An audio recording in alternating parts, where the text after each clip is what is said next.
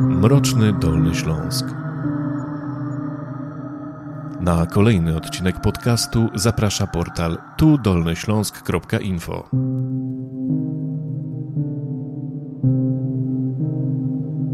12 czerwca 2023 roku polskie media obiegła informacja o zaginięciu w Grecji młodej wrocławianki Anastazji Rubińskiej. Śledztwo z każdym dniem budziło coraz więcej podejrzeń. 18 czerwca, po sześciu dniach od zgłoszenia, skończyły się poszukiwania Polki. Martwe ciało Anastazji znaleziono zawinięte w prześcieradło. Co przydarzyło się 27-latce? Piaszczyste plaże, lazurowa woda i zapierające dech w piersiach widoki. Grecka wyspa Kos, choć niewielka, ma do zaoferowania wiele atrakcji. Położona jest na Morzu Egejskim, niedaleko wybrzeża Turcji. Uwielbiana przez turystów kusi perspektywą wspaniale spędzonego czasu. Dla Anastazji Rubińskiej przyjazd na wyspę był opcją na zarobienie paru groszy. W maju 2023 roku wraz ze swoim chłopakiem rozpoczęła pracę w pięciogwiazdkowym hotelu Palazzo del Mare w miejscowości Marmari. To nie była ich pierwsza praca poza miejscem zamieszkania. Wcześniej zatrudnieni byli w Holandii, Francji czy Portugalii. 27-latka pochodziła z Wrocławia. Była atrakcyjna, miała szczupłą budowę ciała oraz blond włosy. Wcześniej dorabiała jako modelka i hostessa. Bez wątpienia mogła podobać się mężczyznom. W związku była od 10 lat.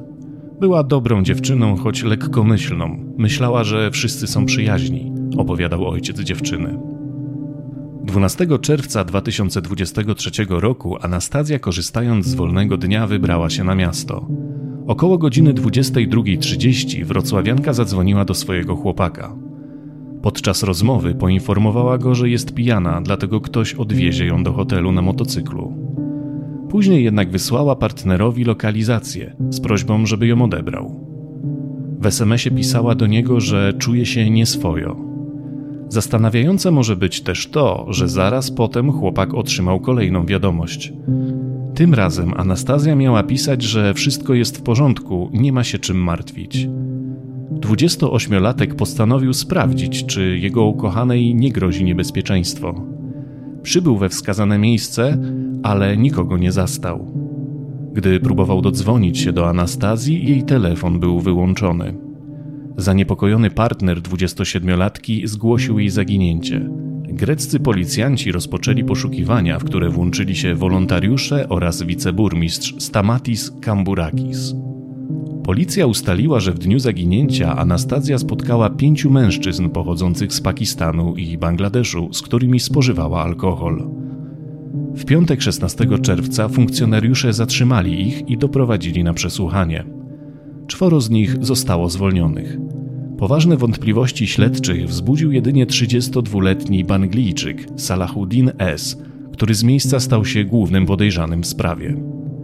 W trakcie śledztwa ujawniono dowody obciążające obywatela Bangladeszu.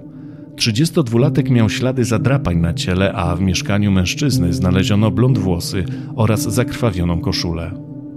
Co więcej, wykazano, że tuż po zaginięciu 27-latki podejrzany kupił bilet do Włoch, co wskazywało na to, że Banglijczyk planował jak najszybciej opuścić kraj.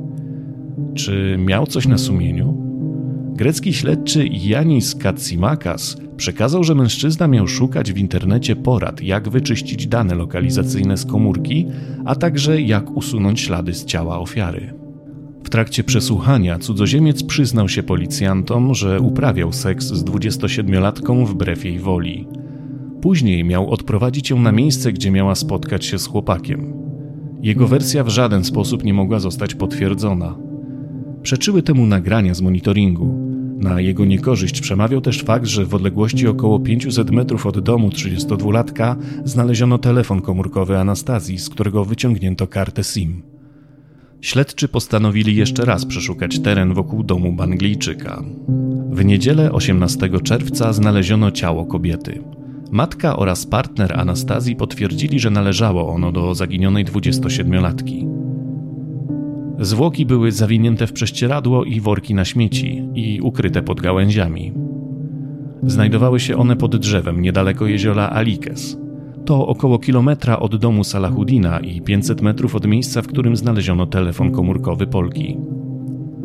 Śledczy podali, że do morderstwa mogło dojść w opuszczonym domu, który położony jest blisko jeziora. Ofiara została uduszona, a ręce miała skute kajdankami. Śledczy próbowali odtworzyć noc zaginięcia.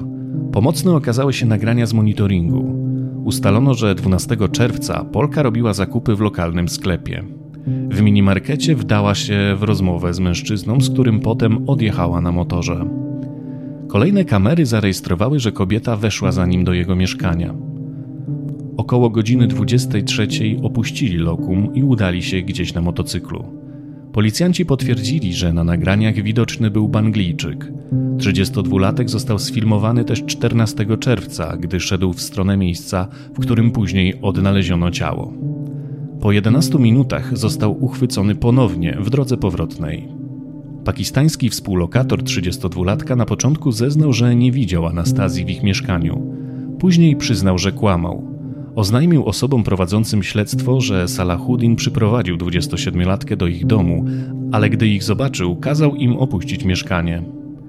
Twierdził również, że w nocy próbował dodzwonić się do Banglijczyka, ale miał on wyłączony telefon.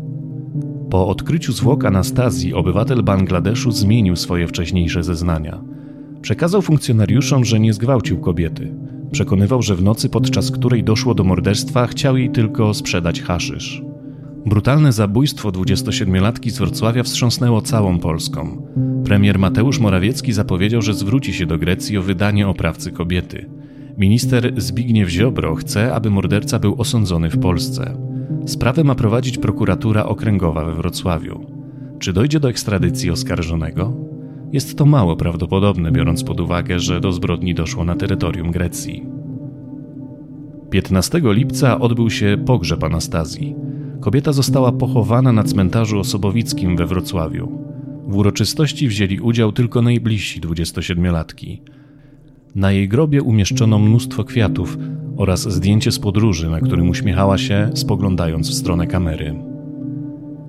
Salahuddin S. został oskarżony o porwanie, zgwałcenie i zabójstwo Anastazji Rubińskiej. Grozi mu kara dożywotniego pozbawienia wolności. Mężczyzna nie przyznaje się do zarzucanych mu czynów. Do rozpoczęcia procesu przebywa on w zakładzie karnym Korydalos w Pireusie. To więzienie o zaostrzonym rygorze, jedno z największych i najbardziej znanych w Grecji. Przetrzymywani byli tam członkowie grup anarchistycznych przeprowadzających zamachy terrorystyczne oraz członkowie greckiej junty wojskowej z lat 60. i 70. XX wieku. Postępowanie przeciwko Banglijczykowi potrwa co najmniej kilka miesięcy. Zdjęcia oraz źródła materiału dostępne są na stronie tudolnyśląsk.info. Zapraszamy na kolejny odcinek podcastu już wkrótce.